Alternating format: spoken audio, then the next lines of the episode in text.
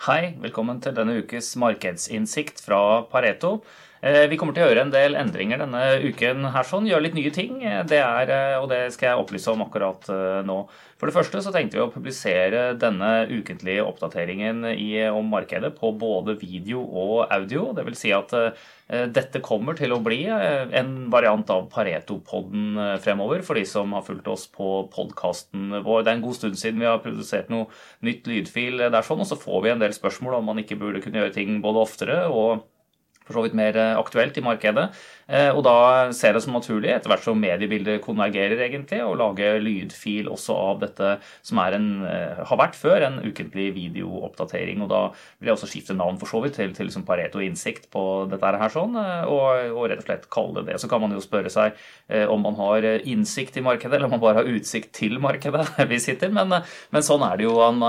Markedet det utvikler seg fremover. Vi kan se hva som har skjedd av nyheter. Vi kan se hvordan det har beveget seg bakover. Eh, og så kan man prøve, basert på det, å, tegne opp noen scenarioer for hva vi tror er den fremtidige utvikling, og egentlig dele med dere det som er en del diskusjoner rundt meglerbordet her, sånn, og med andre markedsaktører, og som vi ser er temaene som, som tas opp i, i, media etter hvert som markedet beveger seg og nyhetsstrømmen uh, endrer uh, seg. Jeg heter Karl Oskar Strøm. Jeg kommer sannsynligvis til å ta med meg analytikere, selskaper, gjester her sånn i studio Eh, fremover når vi har disse ukentlige sendingene. Denne gangen så er det ikke fullt en uke siden vi sist hadde sending, men nå har det vært ganske store markedsbevegelser. Jeg kommer til å være opptatt i en del møter de kommende dagene, og så har vi 17. mai, så da tenkte jeg det var ok nå å ta rett og slett en, en liten gjennomgang når vi eh, sitter eh, her allerede nå. Det har vært ganske store bevegelser i, i markedet. Eh, som før, og som for de som er nye eventuelt på dette formatet, vi kommer i liten grad til å trekke fram eh, noen konkrete kjøps- og salgsanbefalinger her. Det er analytikerne våre, de fundamentale analytikerne i Pareto som står for de offisielle anbefalingene våre etter det rammeverk som gjelder på det, hvor det er da tolv måneders kursmål og den type ting. Eh, min bakgrunn er jo innenfor trading og megling, og jeg har da et helt det er per natur et mye kortere perspektiv. Så jeg kommer til å snakke en del om de kan du si, mellomlangsiktige og noe mer langsiktige trendene her sånn. Eh, i markedet, og for så vidt ha som publikum da litt av de som, eh, som, eh, har et noe kortere perspektiv. Når det gjelder konkrete posisjoner i markedet, som en tar, så må det jo det være ting som passer til, til din portefølje, selvfølgelig, og det, den frekvens man ønsker å handle i. Og, og, det vil være veldig forskjellig ettersom hva slags, hva slags, hvor tett man ønsker å sitte på skjermen, egentlig. Men eh, for mange som hører på, så er jo dette her bare for å følge litt med på markedet, og man har kanskje en fondsportefølje av den type ting. Jeg har noen små enkeltaksjer ved siden av. Eh, og da vil det være innhold som skal være interessant eh, for de. Så la oss hoppe inn i markedet her. Det jeg har på skjermen nå, og jeg må da prøve å forklare litt mer hva det er jeg ser her, egentlig, i og med at de som hører på en podkast, sjelden har, at de må ha bildene i sitt eget hode. Men eh, det jeg har på skjermen nå, er eh, SNP 500 det siste året. Eh, og der ser man jo nå at de siste to ukene så har det vært en tiltagende fall på nedsiden. Og vi har da korrigert tilbake, sånn at man er tilbake til de nivåene man var på ved, ved mars, egentlig. Man har underveis her falt under først ti dagers glidende gjennomsnitt, som er et sånt uh, vannskille, egentlig, for den aller korteste bevegelsen liksom opp. Den gjeldende, kan du si, impuls. Det, disse trendene kalles jo forskjellige ting, men uh, jeg kan komme tilbake til det på et senere tidspunkt. Jeg har skrevet mye om sånt før også, men da er de langsiktige trendene, eller primærtrenden, kan du si, og så er det korreksjoner på det, som man kan kalle mellomlangsiktige trender, eller sekundærtrenden, eller den type ting. Eh, og, eh, og, eh, hvis du skal ha et skifte i primærtrend, altså hvor hovedtrenden, den langsiktige underliggende trenden, skal skifte fra oppadgående eller sidelengs til da nedadgående, så pleier det ofte å være en mer langvarig prosess. Så når vi nå ser et bilde her av at den siste skal bare gå to, to uker tilbake, så, så, hadde vi ny topp i markedet. Markedet prøvde seg opp mot 2960. Folk begynte å snakke om 3000 poeng på SNP 500, og da snudde den selvfølgelig der. Eh, etter å ha steget mer eller mindre sammenhengende siden eh, julaften. Så eh, har vi da fått et brudd på tidagersglidende gjennomsnitt, som man ser egentlig ikke har skjedd så ofte i tiden bak oss den siste tiden. Brudd på 20-dagersglidende, og så har 10 krysset ned gjennom 20 dagers. Så det er klart at det, her får eh, teknikere, i det kortsiktige perspektivet i hvert fall, eh, de, de, har fått litt bensin på bålet til å spå vending nedover. så kan man da si eh, hvor, hvor, hvordan skal man tolke dette her? Kan det hende at det var toppen vi så der oppe under 3000? Altså vi sier toppen for, for en god stund, i hvert fall. Kanskje, det kan man aldri vite. Jeg tror ikke det. Jeg vil begrunne det følgende. Det er også det at vi har nå hatt en vi har hatt fem måneder egentlig med, med, mer eller mindre sammenhengende oppgang. Du trenger noen korreksjoner underveis der sånn. Vi var på en situasjon hvor det hadde steget veldig mange dager på rad, og da havner man oppe på det som man kan si som er, kalles overkjøpt territorium. Ser man på den momentumindikatoren her, som egentlig måler hvor mange dager på rad er det man har steget. da. Når den kommer over 70% her, sånn, så, så, begynner man å, å, være i det som da, Sannsynligheten for en, en korreksjon uh, stor. Mens uh, i motsatt fall, så er det når man detter under 30, så er liksom da er man i det du kan kalle oversolgt. Og nå er vi på 32, det var der vi stengte i går. Så altså gått ganske raskt fra å være veldig strukket på oppsiden til også å ha gjort unna ganske mye av korreksjonen på forholdsvis kort eh, tid. Vi ser også her at vi har falt tilbake til et nivå på SMP 500 nå, som er det nivået det siste året hvor det har gått størst handelsvolum. Eh, og det har vi mer av på nedsiden her. Og det er også både 200 dagers og 100 dagers glidende snitt på nedsiden, ikke veldig langt under der vi ligger nå. Så jeg vil jo si at dette, at vi nå har gått fra overkjøpt og ned til nær oversolgt, samtidig som vi der vi er nå og videre nedover, har gode tekniske støttesoner, bør jo eh, tale for at det å, det å, selge her sånn og tro at man skal kunne komme inn noe veldig mye billigere eh, i nær fremtid, det, jeg, jeg tror egentlig ikke det. Jeg tror dette her er mer en kjøpsanledning, at vi vil kunne se en bevegelse opp igjen. Og så er det først når vi ser hvordan den arter seg, at man kan trekke noen konklusjoner på om dette her er i ferd med å bøye nedover eller, eller, ikke. Det kan være hvis vi da setter en, en, en lavere topp ikke sant, enn det man hadde sist, og at man tar, ser en ny bevegelse ned til en lavere bunn igjen. Da har man begynt å etablere en nedtrend, eller i det litt lengre bildet her kanskje en, en sidelengstrend, og det vil være eh, noe nytt. Da kan man kanskje forholde seg til markedet litt på nytt på det. Ellers så er det betydelig forskjell, eh, syns jeg, på den markedsoppførselen man så i fjor høst, fra oktober her, hvor det begynte å falle igjen fra et nivå nesten like høyt som det vi nå var oppe ved, og ned til bunnen som kom omtrent på julaften. Eh, det man så da, hvis vi spoler litt tilbake, og som gjorde at jeg var fall den gangen mye mer bekymret for markedet, var at man så en eh, altså Problemene kom fra kredittmarkedet. Det var tilstramming av likviditeten fra sentralbanken, ikke bare i USA, men flere andre steder også. Eh, og man så en kraftig oppgang i rentemarkedet, og man så et kraftig oppgang i kredittpåslaget, som gjorde at renten som bedrifter faktisk betalte for å låne, begynte å bli vesentlig høyere, og tilgangen på kreditt begynte å bli dårlig. Vi så i desember at det var nær ingen dealer i markedet, i særlig high yield-markedet, som fløy verken i Europa eller eh, i USA. Så når du får kraftig tilstramning i kredittmarkedet, og man har sentralbanker som egentlig signaliserer at her er det ytterligere tilstramning som er på vei, vi kommer til å trekke tilbake penger fra markedet gjennom kvantitativ tilstramming ikke sant, eh, som man skulle drive med, eh, pluss sette opp renten, så var det en helt annen situasjon. Det snudde eh, kraftig i desember. Man har fått en, en, vending i rentepolitikken og i retorikken fra sentralbankene. Og det har også blitt et skifte underveis her hvor man snakker om at eh, disse kvantitative tilstramningene, eller eh, i, i eh, balansen til sentralbanken, særlig da i USA, eh, det, det, er i ferd med å gå mot slutten, og man kommer til å stabilisere det på et, eh, et nivå som er høyere enn der, det, enn, der, enn der, man startet. Så blir det litt endring i sammensetningen på det, balansen, men det, er noe så. Så du kan si det som dro markedet kraftig ned i eh, desember, var en tilstramning i kredittmarkedene. Og du kan si kredittmarkedet er som oksygenrikt blod som dyttes inn i markedet. Eh, det, er på en måte, det, det må enhver organisme ha for å fungere. og Når begynner, man begynner å strupe det, så begynner det å få seriøse problemer. Det som har dyttet dette her litt ned nå, og som for så vidt fyller alle avisoverskrifter, det, det vet man jo er handelskrig.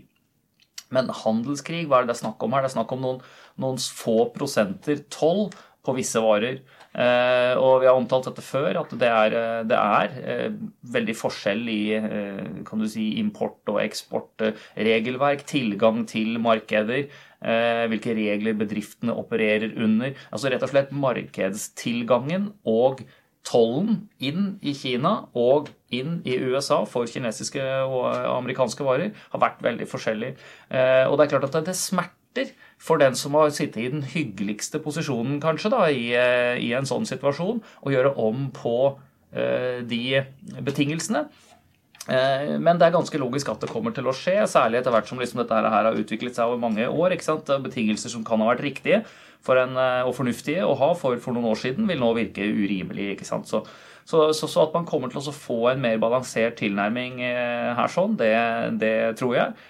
Og jeg tror ikke nødvendigvis at, at det vil ramme verdenshandelen. Selvfølgelig for noen vil ramme noe. Eh, men den monetære effekten bør ikke være så stor som det vi så her i, i desember. Så kanskje det fallet vi har hatt nå, er i nærheten av å være eh, ferdig, og at man dukker opp en, en god eh, kjøpsanledning her, som man kan eh, kalle det. Så må man jo bruke kortsiktige eh, metoder for å avgjøre akkurat hvor man skal gjøre timingen. Jeg skal ta og trekke fram eh, et par ting til. La oss se bare på Nasdaq-kunder. Jeg liker jo å se på de her. Her ser man jo også det var en av de sektorene som kom mye ned i går. 3,5% ned. En svært sterk neddag for, for Nasdaq. Ellers er bildet mye av det samme som var for, eh, for SMP 500.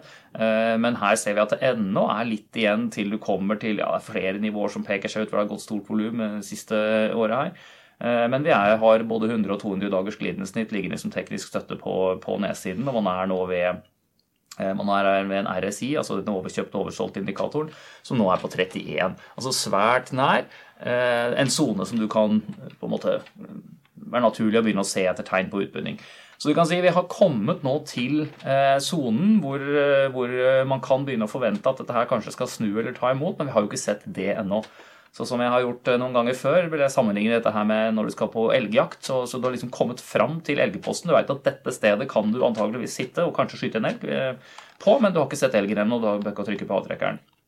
Så det er litt der man, eh, man, er. Så må man da spole inn til kortere tidsperioder hvis man ønsker å time bunnen eksakt. Skal man handle sånn som jeg gjør, for så vidt. Det hender jeg kommenterer litt på Twitter. Jeg anbefaler å følge meg der i tilfelle for, for det. Litt på det jeg gjør av egne transaksjoner. Jeg kan jo handle i i fond, akkurat som eh, dere der ute, stort sett. Eh, det er, eh, det er vanskeligere å handle i enkeltaksjer når man sitter i et meglerhus og underlagt de bindingsregler og sånne ting som er der. Men når det gjelder ut og inn av fondsposisjoner, så baserer jeg meg da litt på hvordan markedet beveger seg. Men skal du kjøpe i fond, og jeg legger en ordre i dag, så vil jo den ja, legger jeg den nå ut på dagen, så vil jo den bli lagt inn i systemene til fondsselskapene egentlig på morgenen i morgen. Jeg vil få sluttkurs i morgen ikke sant? Sånn at man må planlegge et stykke fremover når du skal inn i markedet, for å få eh, en ideell kurs, hvis man skal kunne klare det.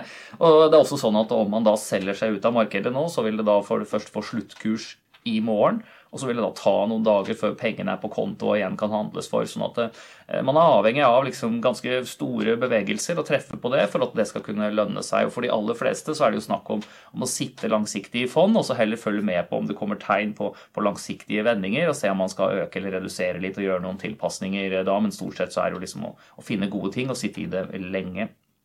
Men det er jo ikke det som er morsomt. Det morsomme er jo å se litt på på de korte greiene her. Så nå har jeg kommentert S&P 500, Nasdaq 100. Eh, går man inn og ser på delsektorer på S&P 500, og jeg så det kommentert av en amerikansk strateg her i, i stad, han så på 11 av disse sektor-ETF-ene, som man jo kan bla igjennom eh, selv også, om man er interessert i å handle enkeltsektorer der borte. Det er ikke så mange, det er ikke alle som er like relevante for, for Oslo Børs der.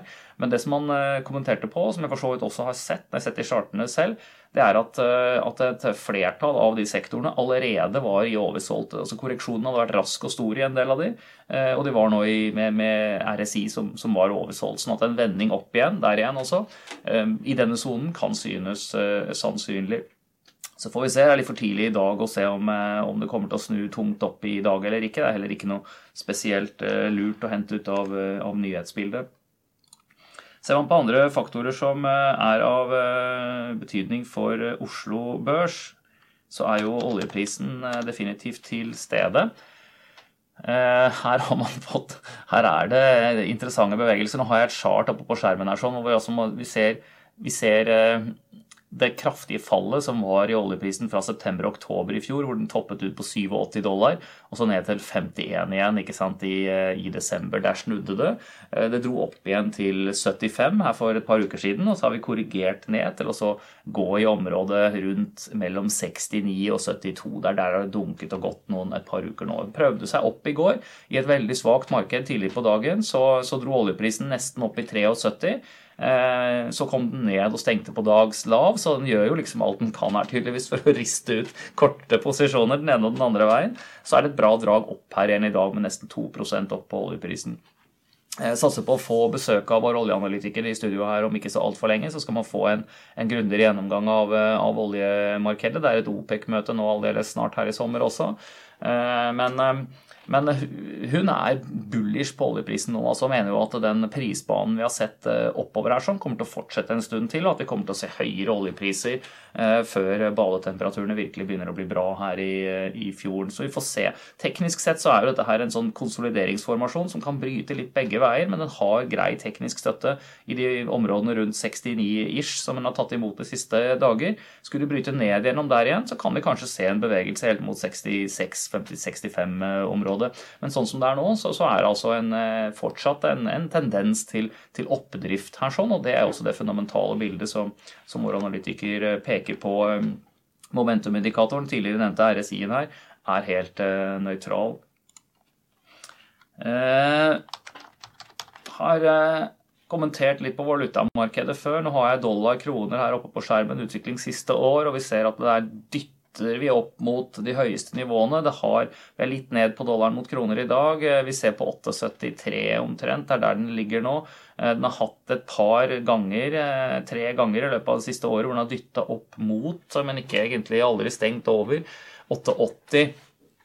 Og det ser jo ut, rett og slett, dette her er jo også i et større perspektiv, blant vi er innenfor de 10% høyeste kursene dollaren har vært mot kroner siden kroner begynte å flyte fritt mot dollaren tidlig på 70-tallet. Så eh, man kan jo si det er dyr dollar her, det er billig krone. Eh, flere årsaker til, eh, til, det kan det være, men det er det som er trenden så langt. og Det vil ikke overraske meg om vi ser enda høyere dollar her i tiden fremover. Og det er jo også noe av dette som det snakkes om i relasjon til, til handelskonflikten, er jo at det kan være litt grann dollar shortage eh, internasjonalt, eller at det er et strammere marked i, for, for, dollar eh, i, i kredittmarkedet. Så det er potensielt noe av det som, som, man skal passe litt eh, med på. Og det er også sånn at med en veldig sterk dollar generelt sett ikke er noe positivt for emerging markets og frontier markets, som jo gjerne er land som låner i dollar, men som har sine inntekter eller i hjemlig lands valuta. Sånn at stiger dollaren, så blir lånet dyrere, og det er ikke noe spesielt positivt. Men du kan si en, en pen, eh, en sterk dollar, en sterk oljepris skulle jo være veldig positivt for Oslo Børs, og markeds, markedet ellers svinger jo eh, ja, som vi nettopp kommenterte, falt tilbake litt de siste par ukene. Eh, hvis vi tar og ser på Deutsche Aksjeindeks, eh, tyskeren her sånn, så har jo den kommet ned, i likhet med S&P 500. Her kan man trekke linje gjennom. altså Det, det har jo vært en Eh, ser man de senere årene, år ned, så har det ikke vært noe klar eh, trend i det tyske markedet. Det har vært litt opp og ned. Sånn vet jo det har vært for økonomien der også. Det har vært i delvis resesjon i perioder. Det er litt sånn teknisk. Det er jo det man kaller altså resesjon. Hvis det er to, to kvartaler med negativ BNP-vekst etter hverandre. Og om det har vært det eller ikke, det er de som måler dette her nå litt usikker på, fordi at tallene er såpass nær null at det justeres litt opp og ned. Men man kan i hvert fall fastslå det har ikke vært noe robust, sterk vekst. Eh, så det liksom harker og går. Eh, og det har vært issues i en del forskjellige sektorer der også. Men siden desember så har eh, indeksen beveget seg ganske pent oppover. Og som vi ser her i chartet nå, så er jo det egentlig et ganske greit teknisk bilde her også. Vi har hatt en korreksjon tilbake, fått tetta et gap i chartet. Eh, du har korrigert tilbake til 50 dagers glidende snitt og til denne trendlinja. Der snudde det i eh, går. Du er over 200 dagers glidende, det er over 100 dagers glidende. Vi er i en opptrend, og vi har tatt og beveget oss fra svært overkjøpt her oppe ved 12 500 poeng eh, nesten, og ned til i hvert fall under nøytralt på denne momentum-indikatoren her også. Så for tidlig å si om det snur opp. Jeg la opp et chart på Twitter i går om at liksom her, ja, her var det ned til trendstøtte. Det så ut som en korreksjon i et bullmarked, mer enn det så ut som et, et bear-marked, eh, så får jo folk tolke dette her som de vil. Og det, som jeg var litt eh, inne på innledningsvis, så spørs det altså hvilke, hvilke frekvens det er du skal handle i. ikke sant? Om, eh, om du sitter og handler med en fondsportefølje som du bare justerer av og til hvis du ser noen store endringer i markedet, eller om du skal handle på disse daglige, ukentlige svingningene, som jo typisk de som, som handler i enkeltaksjer, gjør. i en periode på, på, noen år så satt jo jeg også både på privaten og som ansatt i et meglerhus for å handle på på bok, og da handla man jo intradag på mye kortere bevegelser enn dette her. ikke sant? Typisk disse svingningene som man ser fra, fra topp til bunn, eh, eller, eller, større bevegelser intradag i, i, aksjer. Det er et mye kortere perspektiv. Eh, og hadde jeg laget kommentarer her basert på, på, det bildet, så ville jo de vært utdatert med en gang. ikke sant? Sånn at det, det der er noe annet. og det er jo egentlig hvis det skal komme et lite budskap her, sånn da, som er måte det jeg ønsker å få fram når jeg holder foredrag og sånn om dette her rundt omkring. Eh, og også derfor jeg vil kalt dette, dette mm, programmet for markedets innsikt. er at Vi kommer til å komme med påfyll litt om hvordan vi tolker eh, markedet, hva vi ser av interessante trender og temaer. Eh, men ellers så går det jo mye på teknikker. ikke sant? Altså Det går på hvordan strukturerer man porteføljen sin, hvordan tenker man og gjør tilpasninger. Eh, et eksempel på det kan jeg trekke fram for at jeg var eh, dum nok, kan man si, eh, ikke til å kjøpe Tesla, men til å si, eller innrømme det i avisene, at jeg hadde kjøpt Tesla. En journalist her i uken bak oss som, som, hadde fått tak i at jeg hadde kjøpt noen, noen Tesla-aksjer på privaten. og De tok kontakt for så vidt og lurte på om man kunne, kunne ta, lage en sak på det, fordi mange var interessert i det. Og ja, det var greit, sa jeg. Eh, og ga da noen av de grunnene til at jeg kjøpte en liten eh, posisjon eh, der. Men det er ikke nødvendigvis slik at man skal tolke det slik at jeg er ekstremt bull på Tesla, eller at det der, der er det noe jeg satser familieformuen på. Snarere tvert imot så syns jeg det er et interessant case det var en interessant situasjon. Jeg tenkte at her får jeg en ok inngang når denne emisjonen da ble satt i markedet. Ser jo det basert på de siste dagers eh, markedsuro at man kunne, kunne ha kommet inn lenger ned. Men når det gjelder enkeltaksjer, så har man jo også en, en lang bindingstid her eh, når man jobber i meglerhus. Så det jeg gjorde, var jo å ta en veldig liten post, eh, tilsvarende det som, som er poststørrelsen om det skulle vært en av de eh, fondene som jeg vanligvis kjøper. Kjøper man et fond som følger teknologisektoren f.eks., så kanskje Google og Apple utgjør et sted mellom 5 og 8% av det fondet. og Det er den størrelsesorden av eh, porteføljen min hvor jeg da tok en, en liten post i, i, Tesla. Så jeg sover godt med det. Um, og det er som sagt, Dette her er ikke et eksempel nødvendigvis på noe du skal løpe og følge etter i den enkeltaksjen, men det er på en tankegang hvor du ser at jeg tar en ved det jeg anser som et interessant nivå, så tar man en posisjon, og den posisjonen den må da være Eh, av en fornuftig størrelse. Ikke, sant? ikke for liten, men ikke for stor heller. Og så må den da følges opp. Eh, og for en vanlig trader så vil vi da kunne stå helt fritt selvfølgelig til å selge om, eh, om det skulle bevege seg noe nedover og komme inn eventuelt på et bedre nivå. Mens er man underlagt da betingelser som gjør at man må, må, handle på de litt lengre svingene, så får vi se da hvordan dette her ser ut om, om noen måneder. Men, men. Så så det er rett og slett hva man ser på av signaler i markedet. Det kommer litt an på hvilken rytme det er man ønsker å danse i, og hvilken man kan danse i. Går vi på svenskemarkedet OMX X30 så ser vi jo et bilde som ligner på en blanding nesten av USA og Tyskland. Vi har eh, det har vært ganske store, tilsynelatende store i hvert fall, indekssvingninger i Sverige her. Det var jo oppe og luktet på 1700 poeng, og så har man falt ned til 1560 igjen ca. Prosenten ikke så voldsomt store der allikevel, men vi har falt tilbake til det som vi også ser er det nest største nivået når det gjelder hvilke nivåer det har gått aksjer på siste året. Eh, og eh, et nivå hvor det har vært flere tidligere topper og bunner. Så, og vi har 200 dagers glidende gjennomsnitt rett på undersiden her, og 100 dagers under der igjen. Så det som man ser på dette chartet, akkurat som en del av de andre, og som gjør at jeg foreløpig ser på dette her som en korreksjon og ikke en vending nedover, eh, det er jo at vi foreløpig har beveget oss akkurat eh, omtrent i den lengden. altså Fallet har vært så stort som en normal korreksjon skal være. Og vi korrigerer fra å være veldig overkjøpt ned til nøytral eller oversolgt, og vi korrigerer ned til teknisk støtte. Så en prosess hvor du får en mer varig vending nedover i markedet, pleier å være en prosess som tar lengre tid enn det her. Så kan man finne eksempler bakover på at eh, det ser annerledes ut, eh, og det kan være V-formede vendinger også i markedet.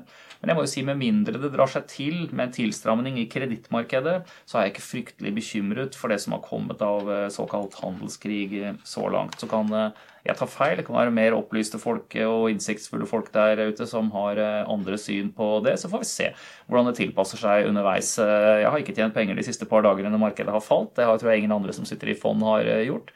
Så spørs det hvordan man hvordan man om man tror man kan ta noen kjappe bevegelser i markedet nå for også, for også profitere på det. Ellers så tror jeg den bevegelsen som har vært ned nå, er en bevegelse som i første omgang skal kjøpes, og så får man vurdere etter hvert eh, hvordan dette her eh, ser ut. Nå har vi vært gjennom en del input-faktorer.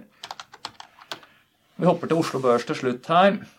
Her ser man, som vi så litt eh, og kommenterte forrige uke også, man ser jo egentlig et litt sånn slappere børsbilde enn det vi har hatt eh, i, på noen av de andre chartene her. Sånn, vi ligger under 200 dagers glidende snitt. Vi ligger mellom 100 og 200 dagers glidende snitt her.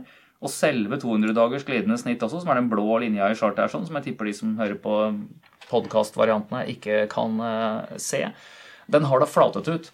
Så man kan si fra november i fjor, hvor det fram til da hadde vært en, en stigende 200-dagerssnitt Og 200 dager er altså grovt forenklet ca. Et, et, år. Det er i underkant av et års snitthistorikk. Eh, som betyr at de som sitter og, og eier aksjer på Oslo Børs nå, de, de sitter og ser på en, en indeks som ikke er noe høyere enn det den var for et uh, år siden. Så um, i og med at vi da ligger under 200 dagers glidende snitt her. Og det er også flata ut, så vi er inne i en, en relativt flat periode på Oslo Børs, noe som jo nesten er litt eh, rart, gitt at det går såpass greit i markedene ute, gitt at vi har så sterk oljepris og vi har så svak krone. Uh, men det er nå engang det bildet vi sitter og ser på her, og her peker det seg jo ut noen uh, nivåer som liksom er nivåene man kan følge med på. Det ene er dette her, her 8,58 ca., som er det vi tok imot på i morges på nedsiden.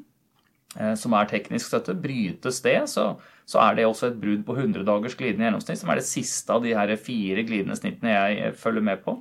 Eh, det vil være litt negativt. På oppsiden så har man snudd her ved det korte glidende snittet, ti dagers, som gjør at liksom, du, du, har en kort trend som snudde nedover for et par uker siden, som, som, og, og, og, som man ligger og pusher imot på oppsiden.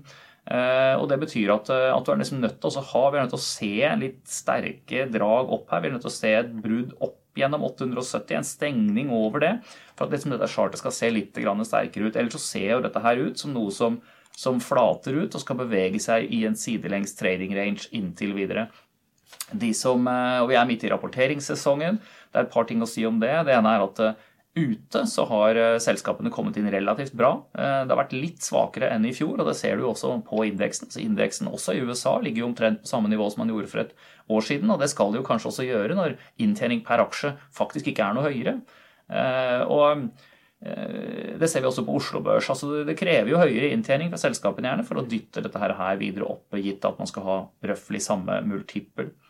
Eh, men det har kommet inn litt bedre enn det man hadde ventet i utlandet, så det er også noe av det som har løftet indeksen der. Her i Norge så har man ikke sett den klare tendensen. Det andre er verdt å ta med seg, i hvert fall når det gjelder de utenlandske markedene, er jo at etter hvert som selskapene nå er ferdige med å rapportere, så er de da ute av den perioden hvor de har innsideinformasjon om egen finansiell eh, stilling og ikke kan kjøpe tilbake egne aksjer. Eh, det har vært en stor driver til oppgangen i markedet de siste året, og for så vidt kanskje lenger enn det. Eh, som er et interessant tema å se på i seg selv. Få se om vi skal gjøre det senere en gang. Jeg syns på mange måter tilbakekjøp er en, er en uting, egentlig. Det var forbudt i det amerikanske markedet helt fram til, til 80-tallet, men det er jo en måte for selskapet å bruke selskapets penger på til å drive aksjekursen opp gjennom å redusere antall utestående aksjer og bruke sin egen kassabeholdning på det. Det er bare sånn det er, og det er for så vidt derfor de, de gjør det. Men eh, det er en klar driver til oppgang i aksjekursene gjennom at eh, antall utstående aksjer blir redusert, og nå kan selskapene begynne å kjøpe igjen.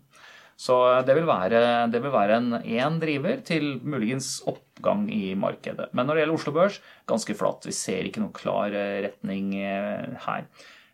Så da skal jeg egentlig ja, For å si som sagt, altså for de som ser chartet her nå, da, eh, bryter vi ned gjennom, eh, gjennom eh, dette her 860 omtrent, 858-860-nivået, så vil det være et negativt signal. Da tror jeg kanskje 840-nivået røftlig her sånn vil være, være neste nivå. 835-840, der er det noe teknisk støtte.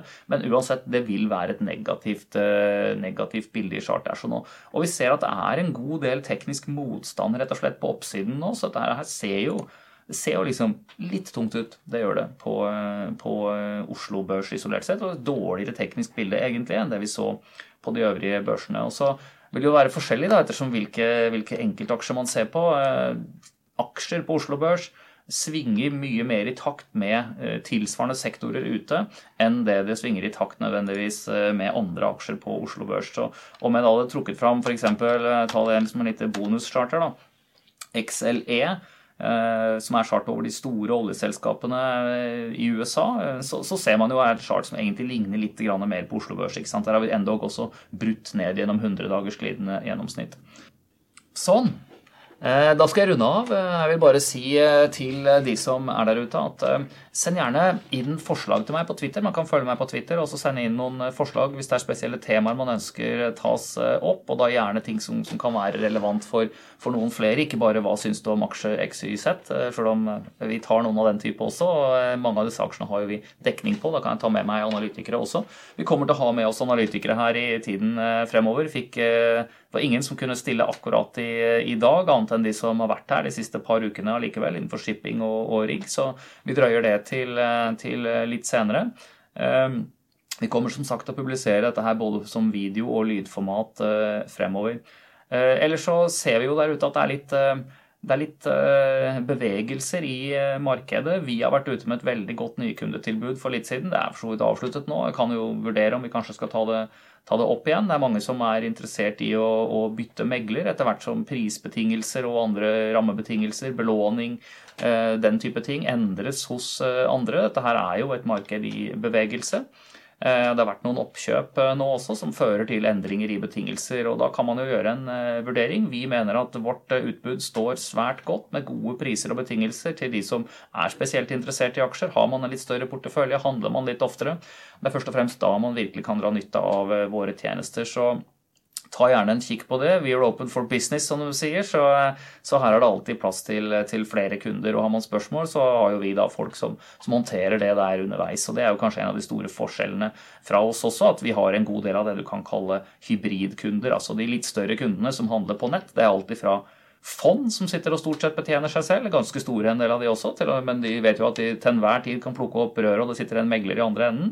Til da privatkunder som stort sett handler på nett, men eh, også de eh, har, kan faktisk muligheten til å, til å få meglerhjelp eh, til å håndtere poster, eller til å utføre mer kompliserte ting, eller bare få et spørsmål og, og svar når man måtte ønske det. Så eh, det er eh, en fordel, tror jeg. Jo mer du handler, jo større du handler, jo større er den fordelen. Eh, og med det så tror jeg jeg sier takk for meg. Så ses og høres vi igjen neste uke. Og avslutningsvis må jeg si at for de som savner introen og outroen fra Pareto-podden, så, så får vi se. Det er ikke sikkert vi legger på den når vi gjør disse her samlede sendingene, men, men det, det kan jo hende. Vi får se.